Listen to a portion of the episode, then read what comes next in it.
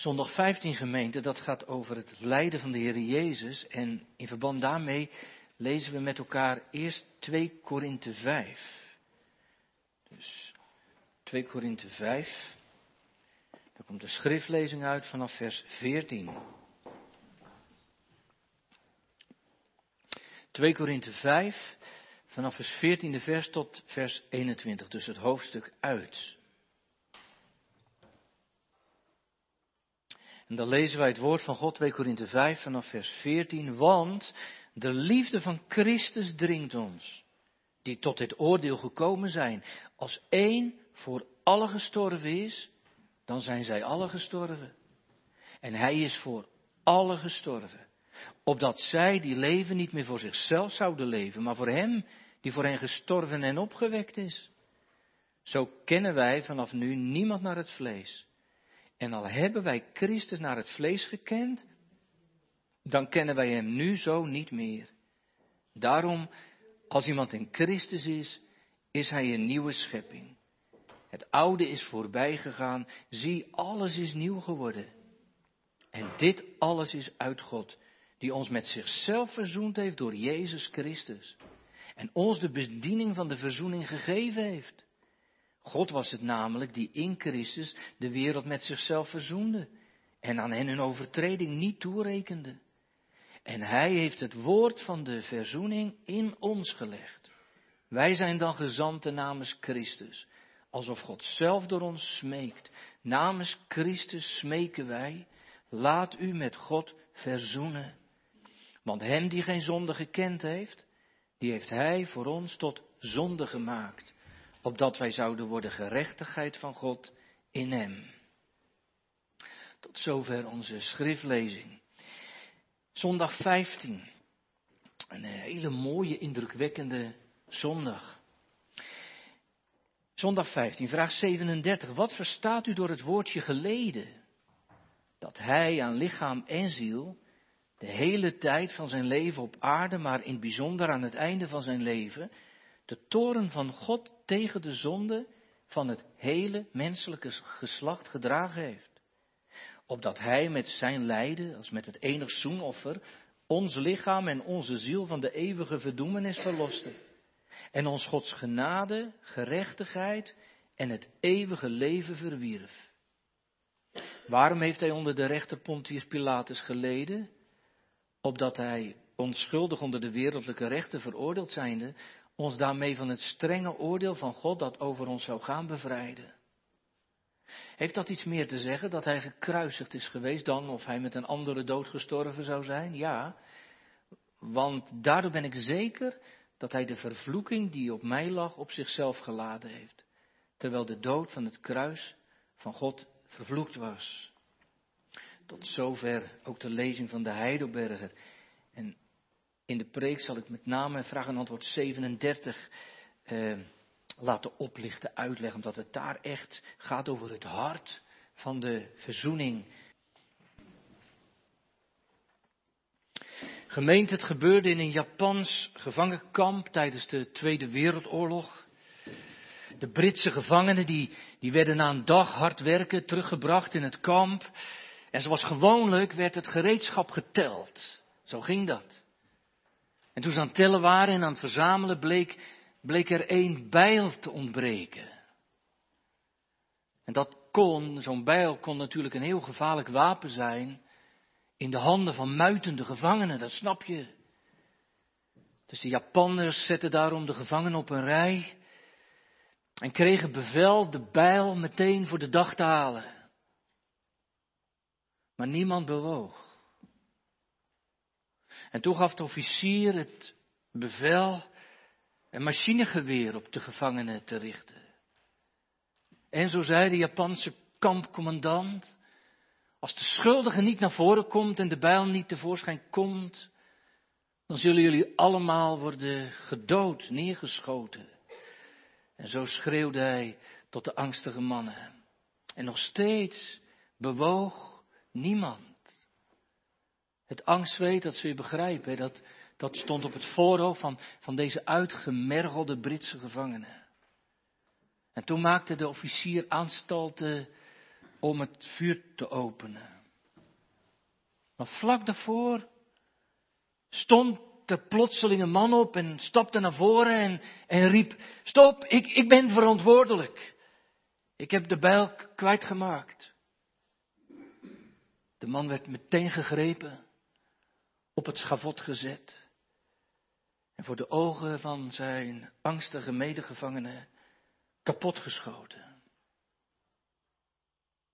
De volgende dag moesten de gevangenen opnieuw naar de spoorlijn. En zoals gewoonlijk werd het gereedschap uitgedeeld. En toen bleef er een bijl over. De soldaat die de dag ervoor het gereedschap had moeten tellen, had de ene bijl over het hoofd gezien.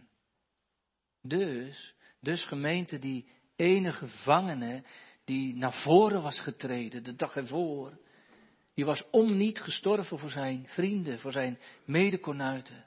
Hij, hij had geen enkele schuld. Maar als plaatsvervanger was hij gestorven voor allen. Stelt u zich eens voor, gemeente, dat, dat u, dat jij, jongelui, dat je in dat rijtje had gestaan. Stel je voor dat je in de loop van dat geweer had gekeken. En gelukkig is dat niet zo. Maar gemeente, wij staan wel in een ander rijtje. Wij staan in het rijtje van veroordeelden, van nature. En wij kunnen niet onder het oordeel uit, onder het oordeel van God. En wegvluchten kan ook niet. Weet u waarom niet? Omdat God zelf ons in die rij zet. U en mij en jou. Veroordeeld vanwege je zonde en je schuld. Vanwege de toren van God die daardoor op je rust. Gemeente, mag ik iets vragen? Is, is, de, is de machteloosheid en de moedeloosheid u, wel eens overvallen bij die gedachte? Dat als je zondaar bent, dat je voor God niet kunt bestaan? Dat je nog moet erkennen ook, heren, hier, hier sta ik. Ik ben uw oordeel waard en, en net als de verloren zoon, ik heb gezondigd tegen de hemel en voor u. En ik ben niet waard uw kind genaamd te worden. Gemeente, in dat rijtje, daar staan we. U, jij, ik. En je kunt geen kant op. In, in de loop, in, de loop van, van Gods rechtvaardig oordeel staat als het ware op je gericht. Nee, nee, gemeente niet. Niet omdat in dat verhaaltje waar ik mee begon, deze preek, er een fout is gemaakt met tellen of zo. Maar omdat wij mensen willens en wetens Gods goede geboden hebben overtreden. U, jij en ik. Omdat we, omdat we met het grootste gemak de dingen hebben gedaan. Die, die God haat. Jongelui, God haat de zonde gewoon. Daar heeft hij zo'n ontzettende hekel aan. Daarom heet het ook zonde. En zonde, gemeente zonde, dat is dat is een soort voortwoekerend gezwel of zo. Het maakt je kapot. Het kost je je leven, echt. In Ezekiel 18, dat viel me bij de voorbereiding weer op, wordt er twee keer achter elkaar gezegd door de profeet tegen het volk. De ziel die zondigt, die zal sterven. Niet zoiets van die krijgt een tweede kans en er is toch wel genade. Maar de ziel die zondigt, die zal sterven. Zo staat het ervoor. Gemeente, hoe komt het toch hoe komt het toch dat we daar zo vaak, zo makkelijk aan voorbij leven? Als de dokter ons onderzoekt op een ernstige ziekte, en sommigen van ons weten daarvan in de gemeente, dan, dan schrikken we toch, dan, dan liggen we wakker en terecht. En dan maken we ons druk en dat, dat grijp je vaak naar de keel. Maar de hemeldokter, die legt ons ook op de onderzoekstafel van zijn woord. Elke zondag. En heel vaak staan we zo rustig weer op. En lopen we weer naar buiten. En liggen we er helemaal niet wakker van. Maar de diagnose, die is veel ernstiger. Veel diepgaander. Gemeente, je hebt een ziektekiem die zonde heet. En waardoor je zondaar bent. En het gevolg van dit kwaad is, is de toren van God. Voor eeuwig. Da, daarvoor treft je verlaatheid. Daardoor ben je verloren. Daardoor kom je in een verdoemenis die niet te peilen is. Gemeente, weet u waarom ik vanavond eerst dit stukje van het pad met u loop? Weet u waarom? Omdat ik hoop en omdat ik verlang dat u, dat u voor het eerst of opnieuw de toevlucht zoekt tot de Heer Jezus. Van, hem beleiden wij vanavond dat hij, dat hij, Jezus, tijdens zijn hele leven op aarde, hoe staat het er, maar speciaal op het einde van zijn aardse bestaan, de toren van God, van het hele menselijke geslacht gedragen heeft.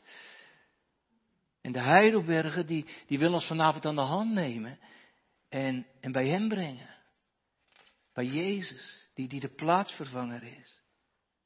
Voor, voor mensen die, die, de, die de last van hun eigen zonde en, en schuld niet kunnen dragen. En daar klinkt het voor vanavond. Er is er één die heeft het overgenomen. Die, die heeft heel dat lijden dat ik verdiend heb. En wat ik vaak niet eens besef, dat ik het verdiend heb, heeft hij op zich genomen, plaatsvervangend. Gemeente, de, de loop van het oordeel van God staat op je gericht. Maar nu is er iemand die in de vuurlinie is gaan staan. Christus.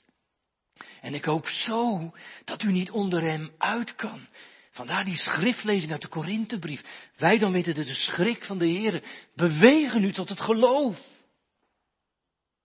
Want gemeente geloven doe je niet voor de lol. Jongelui geloven doen we niet voor de gezelligheid. Dan kunnen we wel iets anders gaan doen. Dan gaan we in de keet van Peet zitten vanavond. Maar daar zitten we niet. We zitten hier. Geloven doe je niet voor de gezelligheid. Maar geloven doe je voor de zaligheid. Omdat we een redder nodig hebben. Omdat er een redder is. Kijk, kijk, het is een heel bekend Bijbels beeld, hè. Dat beeld van, van dat lam, dat weten we wel, dat lam dat, dat naar de slachting wordt geleid. Kijk, en, en hoe ging dat nou? Hoe ging dat nou met dat lammetje in de tempeldienst? Dat weet u toch wel? De, de zonde die je had gedaan, waardoor je voor God niet kon bestaan, die werd op dat lammetje gelegd. En soms, soms deed de priester ook zijn handen op de kop van dat lammetje. En, en dat betekende dan dat, dat jouw schuld, jouw zonde, overgingen op dat lam. En dat lam moest dan sterven. Dat moest. Dat werd geofferd. Dat ging op het altaar. Of op de grote verzoendag, dan, dan werd dat de woestijn ingestuurd.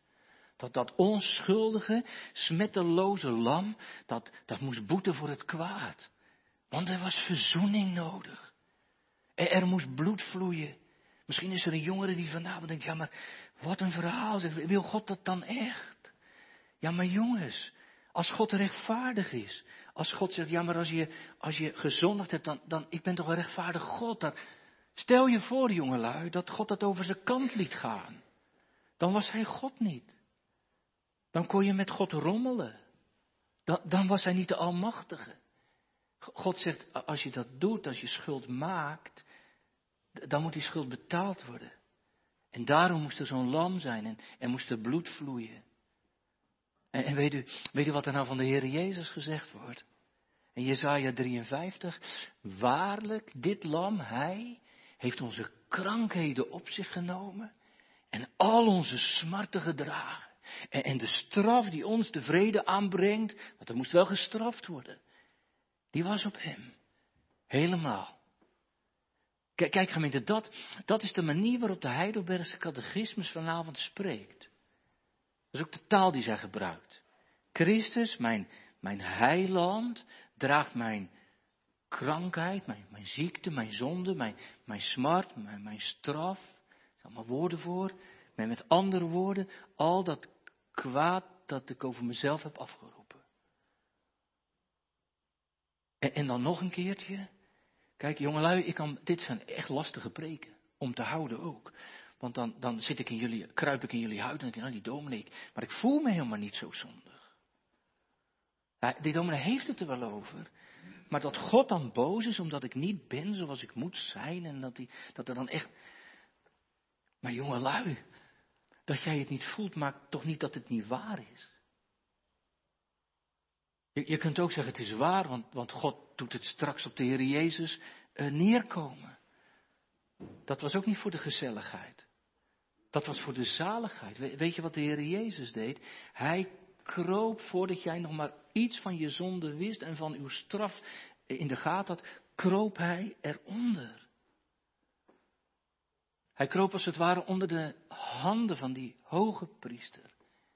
Ik weet niet of je het nog weet, maar, maar in zondag 14, daar ging het heel erg over de menswording van Jezus. Toen, toen heb ik heel sterk benadrukt dat Jezus in onze huid kroop.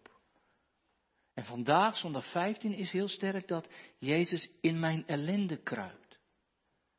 Hij laat, hij laat heel de zwaarte van het oordeel van God over mijn zonde op zich neerkomen. En dat gemeente, dat verpletterde hem.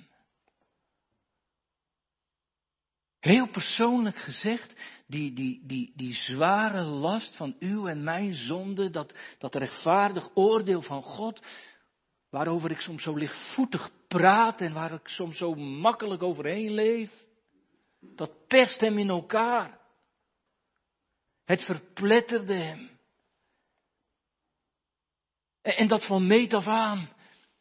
Wij denken dan meteen aan het kruisgemeente en daar komt het tot een hoogtepunt of zo u wilt een dieptepunt. Maar de Heer Jezus lijkt niet alleen aan het kruis. Die, die denkfout wordt wel eens gemaakt. In de lijdenstijd, het kruis, daar zou het dan gebeuren. Maar gemeente, de Heer Jezus leidt zijn hele leven vanaf het allereerste begin tot het allerlaatste eind. Hij leidt niet alleen die laatste dagen, maar alle dagen. Zijn, leven was één grote woestijn zonder oase. Hij kreeg levenslang hier op aarde. Gemeente de Heer Jezus zit hier op aarde vanaf de kribbe van Bethlehem, vanaf de baarmoeder van Maria, zit hij in een dode cel. Want hij weet waar het eindigt. En steeds dieper wordt hij getrokken in de nood van onze dood. En zo dompelt hij zich onder in dat onbeschrijfelijke, diepe, eindeloze lijden. Met zijn lichaam. De catechisme zegt het mooi, hij zegt lichaam en ziel. Met zijn lichaam, dat was zichtbaar. Dat kon, je van buiten zien, hè. Maar ook met zijn ziel. Dat kun je niet zien. Maar gemeente, dat lijden met de ziel, dat ging nog veel, veel dieper dan dat lijden van het lichaam. Wist u dat? Kijk, in de Roomse kerk wordt, dat weet u misschien wel, wordt veel sterker gefocust op dat lichamelijke lijden van de Heer Jezus. U loopt vast wel eens een katholieke kerk binnen, of misschien eh, ben je wel katholiek van huis uit, en dan, dan weet je dat er heel veel beelden zijn van de lijdende Jezus. Dat je aan het kruis ziet hangen en, soms een wond in zijn zij ziet. En, uh, maar, maar wist u dat het lijden van binnen, wat niet zichtbaar was, veel dieper ging? Jongelui, daarom, daarom kun je eigenlijk heel moeilijk een film maken over het lijden van Jezus.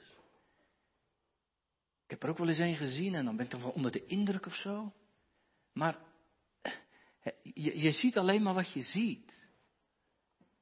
Je zou, je zou kunnen zeggen, zo'n film is eigenlijk maar een slap aftreksel van, van wat het werkelijk was, echt. Jezus laat er iets van zien, hè. Als hij in Gethsemane is en hij ziet dat ontstellend diepe lijden op hem afkomen, dan zegt hij op een goed moment, ik ben bedroefd tot de dood toe. Hij, hij zag het voor ogen, wat er, wat er ging gebeuren toen al. Hij, hij, onderging, hij onderging de angsten van de hel uit Psalm 116. En benauwdheid en droefenis troffen hem. En weet u, Weet u waar dat op zijn hoogtepunt, of beter, ik zei net op zijn dieptepunt kwam? Aan het kruis. Aan het kruis toen, toen God hem uiteindelijk verliet.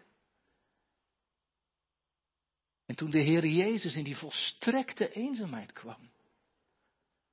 In die drie uur durende duisternis. Dat was een hel voor de heiland.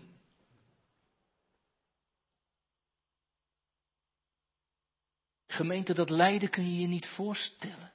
Als alles en iedereen je verlaat en je staat er alleen voor. Er zijn vast wel mensen in de kerk of die thuis meeluisteren, die, die weten wat eenzaamheid is. Hè? Eenzaamheid in ziekte of verdriet. Of als je depressief bent, sommigen van u, die weten wel hoe depressiviteit werkt. Als de duisternis en de eenzaamheid zo groot zijn, niet te peilen. Maar voor Jezus komt er een depressiviteit en een duisternis en een eenzaamheid.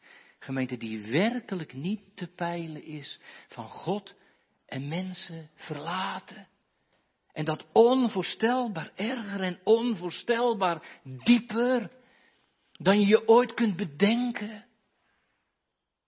Gemeente, hij werd door zijn vader losgelaten. Terwijl de volle toren van God over uw zonde op hem losbrandde. Liet God hem los. Daarom werd het ook drie uur donker. Dat kon je helemaal niet zien. Dat was te diep. Gemeente, wat, wat een lijden. En wat een, eh, wat een ellende.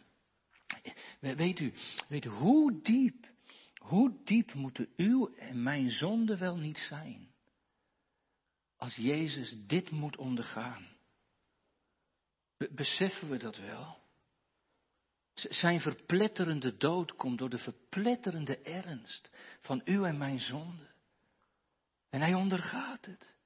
Kijk, jongelui, ik zei net al tegen jullie, en dan zeg ik tegen de rest van de gemeente ook, het is soms best moeilijk om je eigen zonde te doorleven en te kennen. Wij zeggen, je moet wel je zonde kennen, want wat moet anders vergeven worden? Dat snap ik ook nog wel, ja. Maar hoe diep moet je het nu kennen? En wanneer ken je het nou diep genoeg? Nou, geloof me. Geloof me, je kent het nooit diep genoeg. Nooit. Weet je wat mijn dominee vroeger zei? En ik, ik weet dat is een 18-jarige of 20-jarige. Zaten Geertje en ik in de kerk, we waren jong.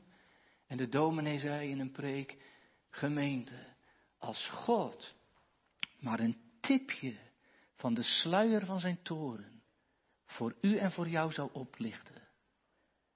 En ik zat dus een jonge jongen te luisteren in de kerk. Hij zei, je zou vergaan. Een tipje. Maar gemeente voor de Heer Jezus is niet een tipje van de sluier opgelicht. Voor de Heer Jezus ging de hele sluier eraf. Daarom werd het zo donker. En ging hij helemaal onder in dat gericht van Gods toren. En alle toren van God over de wereld, dat treft hem. Alle toren. Alle. Ja, gemeente, ook de vlammen van uw zonde en de jouwe en de mijne. Elke zonde van elk mens van alle tijden. Ja, u hoort het goed. De Heer Jezus ontvangt de toren van de zonde van elk mens van alle tijden. Daarom is het zo mooi dat we een Heidelberger hebben die dat voor ons uitzoekt en opschrijft. Die zegt het hele helder en onomwonden. Van het hele menselijke geslacht heeft Jezus de toren van God gedragen. Kijkt u maar. Van het hele menselijke geslacht heeft hij de toren van God gedragen. En daar moet je niet aan morrelen. Dat wordt wel eens gedaan. Dan zeggen de mensen dat de Heer Jezus alleen geleden heeft voor de zonde van de uitverkorenen. En dat klinkt heel vroom. En heel diepzinnig. En heel degelijk. Voor sommige mensen heeft hij geleden. En voor wie niet verkoren waren, heeft hij natuurlijk niet geleden. Maar zo is het niet. Nou ja, zo staat het er niet. Zo leert de Bijbel het ook niet. Wie, wie zegt dat Jezus alleen eh, de toren van God heeft gedragen voor de uitverkorenen, die maakt het lijden van Jezus kleiner. Dat mag niet. En die maakt de genade ook nog kleiner. En dat mag al helemaal niet. Hij droeg alle zonden. Alle. En gemeente, alle, dat is alles. In de eerste Johannesbrief, 1 Johannes 2, vers 2 staat, en hij is een verzoening voor onze zonde, dat zeggen dan de gelovigen, hij is een verzoening voor onze zonde, maar niet alleen voor de onze, maar voor de zonde van de hele wereld. Het is omvattender, groter, dieper, gemeente. Gemeente, weet je wat dat betekent? Wat dat betekent? Dat betekent iets heel moois. Dat betekent dat de Heer Jezus ook in uw en jou en mijn toren ten onder ging. En dat betekent niet dat ik me alle dagen hoef af te vragen, ben ik wel een uitverkorene? Maar dat ik me mag troosten met de gedachte, hij heeft alle zonden van heel het menselijk geslacht gedragen. En dat is al erg genoeg. Zie hem lijden aan het kruis.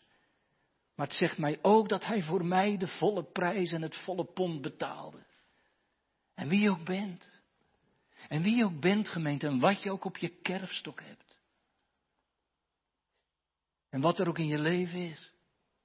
Misschien is er wel iets uit uw verleden waarvan u denkt dat is zo groot, dat is zo zondig geweest. Niemand weet het, alleen God. Nou ja, en Jezus, hè. Hij is daar ook in dat oordeel voor die zonde afgedaald. Onmiskenbaar. Tot, tot op de bodem. En dat deed hij voor iedereen. En als iemand niet zalig wordt, is dat niet de schuld van Jezus en van zijn vader. Dat, dan is dat niet gemeente omdat de Heer Jezus er te weinig aan deed. Of omdat u niet bij het pakket zat, wat hij wegdroeg aan het kruis. Denk nooit te klein aan wat hij gedaan heeft. Al zo lief heeft God de wereld gehad. Dat is die hele verloren, verdoemde wereld waar, waar u en ik bij inclusief zitten. En denk nooit, denk nooit dat er voor uw zonde, voor jouw zonde geen vergeving is. Dan denk je te klein van Hem, van Christus. Ik zeg het de Dordtse leerregels vanavond graag na. In de Dordtse leerregels, wie het graag wil weten, hoofdstuk 2, paragraaf 3, daar staat dat het lijden van Jezus overvloedig genoegzaam is tot verzoening van de zonde van de hele wereld. Gemeente, als je geen zondaar bent en je geen zondaar voelt en zegt, maar ik ben niet van de wereld, ik ben een heilige, dan sta je er misschien buiten. Maar het is voor de zonde van die hele wereld. Hij verzoent.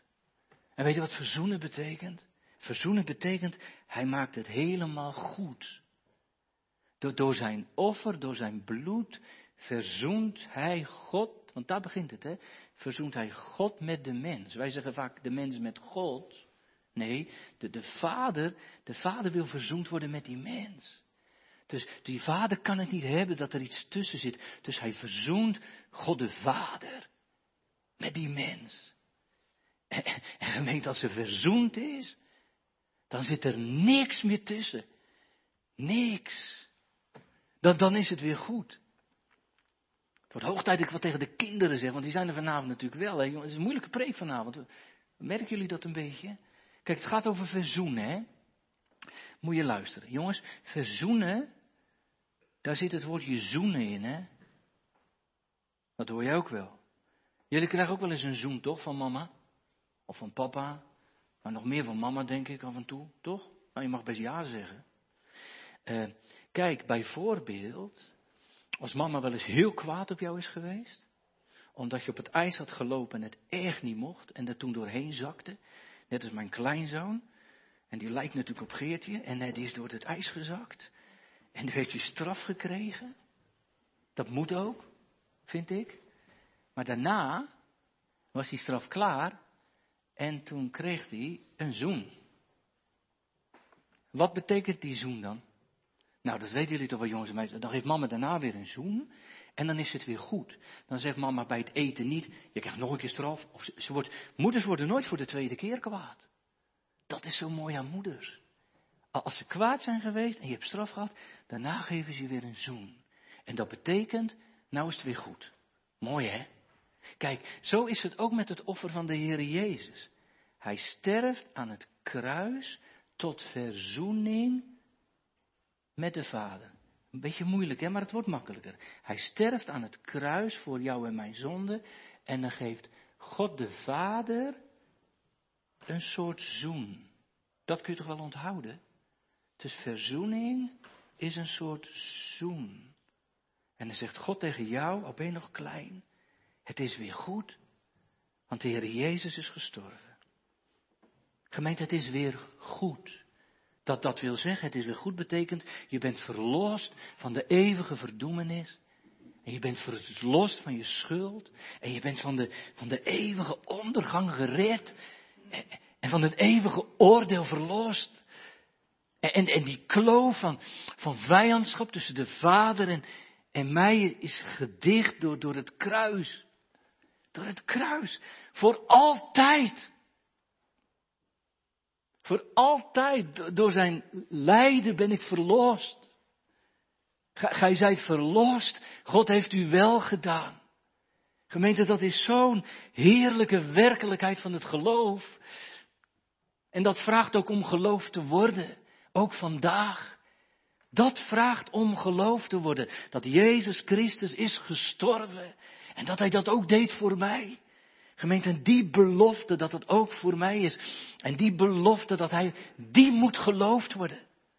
Ja, zegt u, maar je moet ook geloven dat je een zondaar bent. Je moet geloven dat Jezus is de Christus. Je moet geloven dat Hij de verzoening heeft teweeggebracht. Je moet geloven dat Hij heel die verdoemenis van je bestaan heeft weggedragen. Dat moet je geloven. En gemeente, dat geloof maakt zalig. Wij dan wetende de schrik des Heren bewegen de mensen tot het geloof. In Christus. Gemeente, het is toch, het is toch nauwelijks te beseffen wat dat betekent. Dat, dat, je, dat je verdoemenis door het lijden van Christus is opgeheven. In, in de Griekse taal staat voor het woordje verdoemenis het woordje crisis. Nou, dat is een woord dat wij tegenwoordig wel kennen. Je hebt allerlei crisis. Je hebt financiële crisis en we hebben inflatiecrisis gehad en coronacrisis en je hebt, uh, hoe heet het, uh, milieucrisis. Wat, wat betekent crisis? Jongelui, weet u wel, crisis betekent het gaat achteruit. Dus als we een milieucrisis hebben, hè, of we met opwarming van de aarde een crisis hebben, dan, dan betekent het het gaat achteruit. Dat is crisis. Maar crisis in de Bijbelse zin is veel dieper, wist je dat? Crisis is in de Bijbel oordeel, dat, dat betekent een, een vonnis. Jezus, Jezus verbindt het woordje crisis, verdoemenis, aan de dood. En je voelt wel, dat voel je gewoon aan, dat, dat crisis, verdoemenis, dat is het absolute einde. Crisis, dat, dat is verdoemenis, dat is, dat is de hel. Dat is de totale godverlatenheid. En van deze crisis, oftewel verdoemenis, keert het tij niet vanzelf. Niet vanzelf. Als er niets gebeurt in je leven, gemeente, dan, dan eindigt het in die eeuwige crisis. En daarom klinkt vandaag de oproep van Jezus, ook vanavond. Het Johannes 5, vers 24. Voorwaar, voorwaar zeg ik u, die mijn woord hoort en gelooft, hen die mij gezonden heeft, die heeft het eeuwige leven. En die komt niet in de verdoemenis, maar die is uit de dood overgegaan in het leven. Als er vanavond iemand niet zeker over is en die zegt, ja, die zonde en die verdoemenis, het is, het is toch wel een dingetje. En hoe kom ik daar toch alsjeblieft van af? Dat zeg ik u net. Die mijn woord hoort en gelooft, hem die mij gezonden heeft. Die heeft het eeuwige leven. Gemeente, geloof hem dan. Jongelui, geloof hem dan. Hij staat toch niet te liegen. Hij heeft zijn kind toch niet zomaar gegeven. Geloof hem en zijn woorden, dan, dan heb je het eeuwige leven. En zegt Jezus, dan kom je niet in de crisis, dan kom je niet in de verdoemenis, maar dan ga je vanuit de dood over in het leven. Gemeente, door Christus kom ik niet in de crisis, niet in de verdoemenis, maar, maar word ik ervan gereed. Word ik eruit getrokken? Wat een onvoorstelbare, heerlijke werkelijkheid is dat. Gemeente, dat verwondert mij. Het verwondert me telkens weer om, er, om erover te mogen preken. En het maakt me diep dankbaar. Dank u, Jezus, voor uw lijden, voor uw bittere en bange dood. Wij zongen dat, hè? Het eerste lied vandaag. En, en, het, en het avondmasformulier zegt dat ook heel mooi. Wij denken altijd dat dat een woord van Jezus is. Maar het had een woord van Hem kunnen zijn. Ik voor u, daar u anders de eeuwige dood had moeten sterven. Jezus voor mij. Hij voor mij. Heerlijk hè. Heerlijk gemeente om zo'n Jezus te mogen leren kennen. Die voor je in wil staan. Die, die met je wil ruilen. Maarten Luther noemt het een, een wonderlijke ruil. Hij mijn zonde en ik zijn vergeving. Hij mijn dood en ik zijn leven. En gemeente dat uit genade. Niet omdat ik zo goed geloof. Niet omdat ik zo oprecht bekeerd ben. Niet omdat ik mijn zonde zo uit en te treuren kende. Niet omdat ik zo superveel vertrouwen had in Jezus. Maar het begint allemaal daar. Hij voor mij. Dat vraagt om geloof te worden. Hij wilde met mij ruilen. En die Jezus vraagt het gemeente om, om vertrouwd te worden. En, en dat is niet alles, hè. Dat is niet alles, want, want dat hij verlost uit de verdoemenis, dat, dat geeft tegelijkertijd ontzaglijk veel uitzicht. Dat, dat hoor ik tenslotte ook vandaag. En ik zou drie cadeaus willen noemen, zo aan het eind van de preek. Want, want, want als God mij dus verlost van die verdoemenis, van die crisis, dan, dan geeft Hij mij, dan krijg ik van God genade, lees ik, gerechtigheid en het eeuwige leven. Drie cadeaus. Mooi hè? Dus, dus ik krijg eerst, dat is mijn eerste cadeau. Ik, ik, ik krijg eerst genade. Weet je wat dat is? Genade is alles wat ik niet verdiende. Door Christus krijg ik alles.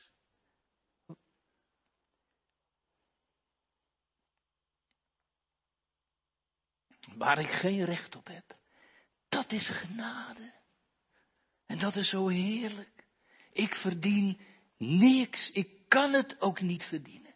En ik heb nergens recht op. Ik ben alleen maar schuldig. En toch ontvang ik alles. Niet de helft. Niet even genoten en toen weer toegesloten. Niet Jezus zien is en nog niet hebben. Gemeente, door Hem ontvang ik alles. Dat is genade. En het is allemaal gratis. Dat is het eerste, genade. En dan dat tweede cadeau, hè. Tweede cadeau is gerechtigheid. Dat is een mooi woord. Maar mijn verhouding met God is hersteld. Dat is gerechtigheid. Het is weer recht met God. Dat is een mooi woord, jongelui. Als je nou een beetje wil leren wat gerechtigheid betekent, dan moet je gewoon denken aan dat woord recht wat erin zit. Recht, letterlijk. Het is weer recht tussen God en mij. Ik, ik, ik, ik kan God weer in de ogen kijken. Recht in de ogen. En hij mij. Er is mij namelijk recht gedaan door het bloed van het lam. En God ziet mij via Jezus. Als, alsof ik zelf voor al mijn zonden volkomen betaald heb. En dan is het weer goed, helemaal goed met de Vader. En zo noem ik hem dan ook. Mijn Vader. Dat is het tweede cadeau, gerechtigheid. En het derde cadeau, dat is, ik krijg, ik krijg het eeuwige leven. De, de deur van het leven die, die potdicht zat, eh, is, is door hem, door de Heer Jezus zelf, geopend. En ik mag er doorheen gaan. En, en Jezus heeft gezorgd voor de entreeprijs. En hij heeft betaald met zijn bloed. Nee, als je dan bij de poort komt van het hemelrijk, staat daar niet Petrus die nog gesprekken met je begint. En dan gaat er niet nog een hele rechterlijke sessie aan vooraf of daarna. Gemeente, als je dan aan mag komen in dat hemels koninkrijk, als je sterven moet, dan gaan de deuren open. Want de prijs is betaald. Heel persoonlijk voor mij is de prijs betaald. En dan mag je eeuwig leven. Dus, dus als die verdoemenis is opgeheven, dan mag ik eeuwig leven. En soms merk je daar al een beetje iets van. Heeft u dat wel eens? Dan, eh, dan, is, dan is er iets van de hemel in mijn hart. Maar straks is mijn hart in de hemel. Ik heb de hemel al een beetje in mijn hart soms. Maar straks, dan is mijn hart in de hemel. Wat een heerlijk uitzicht, hè? Zijn derde cadeau. En dat alles gemeente door het lijden en sterven van mijn middelaar. Zijn, zijn lijden en, en zijn pijn opent voor mij de vensters naar, naar de heerlijkste dingen. Apart hè. Het is eigenlijk best apart gemeente dat het allemaal is door het kruis. Want, het kruis, dat is toch niet om aan te zien. En, en de Heer Jezus is nog minder om aan te zien. Er was geen uh, gedaante of, of heerlijkheid dat wij hem zouden begeerd hebben. Het is eigenlijk best apart, jongelui. Het kruis, een gestorven Jezus. Daar is eigenlijk niks aan. Maar, maar het kruis en, en die man van smarten, die, die doet het hart van de gelovigen sneller kloppen, echt waar. Het kruis, dat is, dat is het mooiste wat er is voor de gelovigen. Dat is het kruispunt van zijn zaligheid. Dat kruis dat loopt linea recta naar het open graf. Gemeente, vindt u het ook zo mooi? Dat kruis.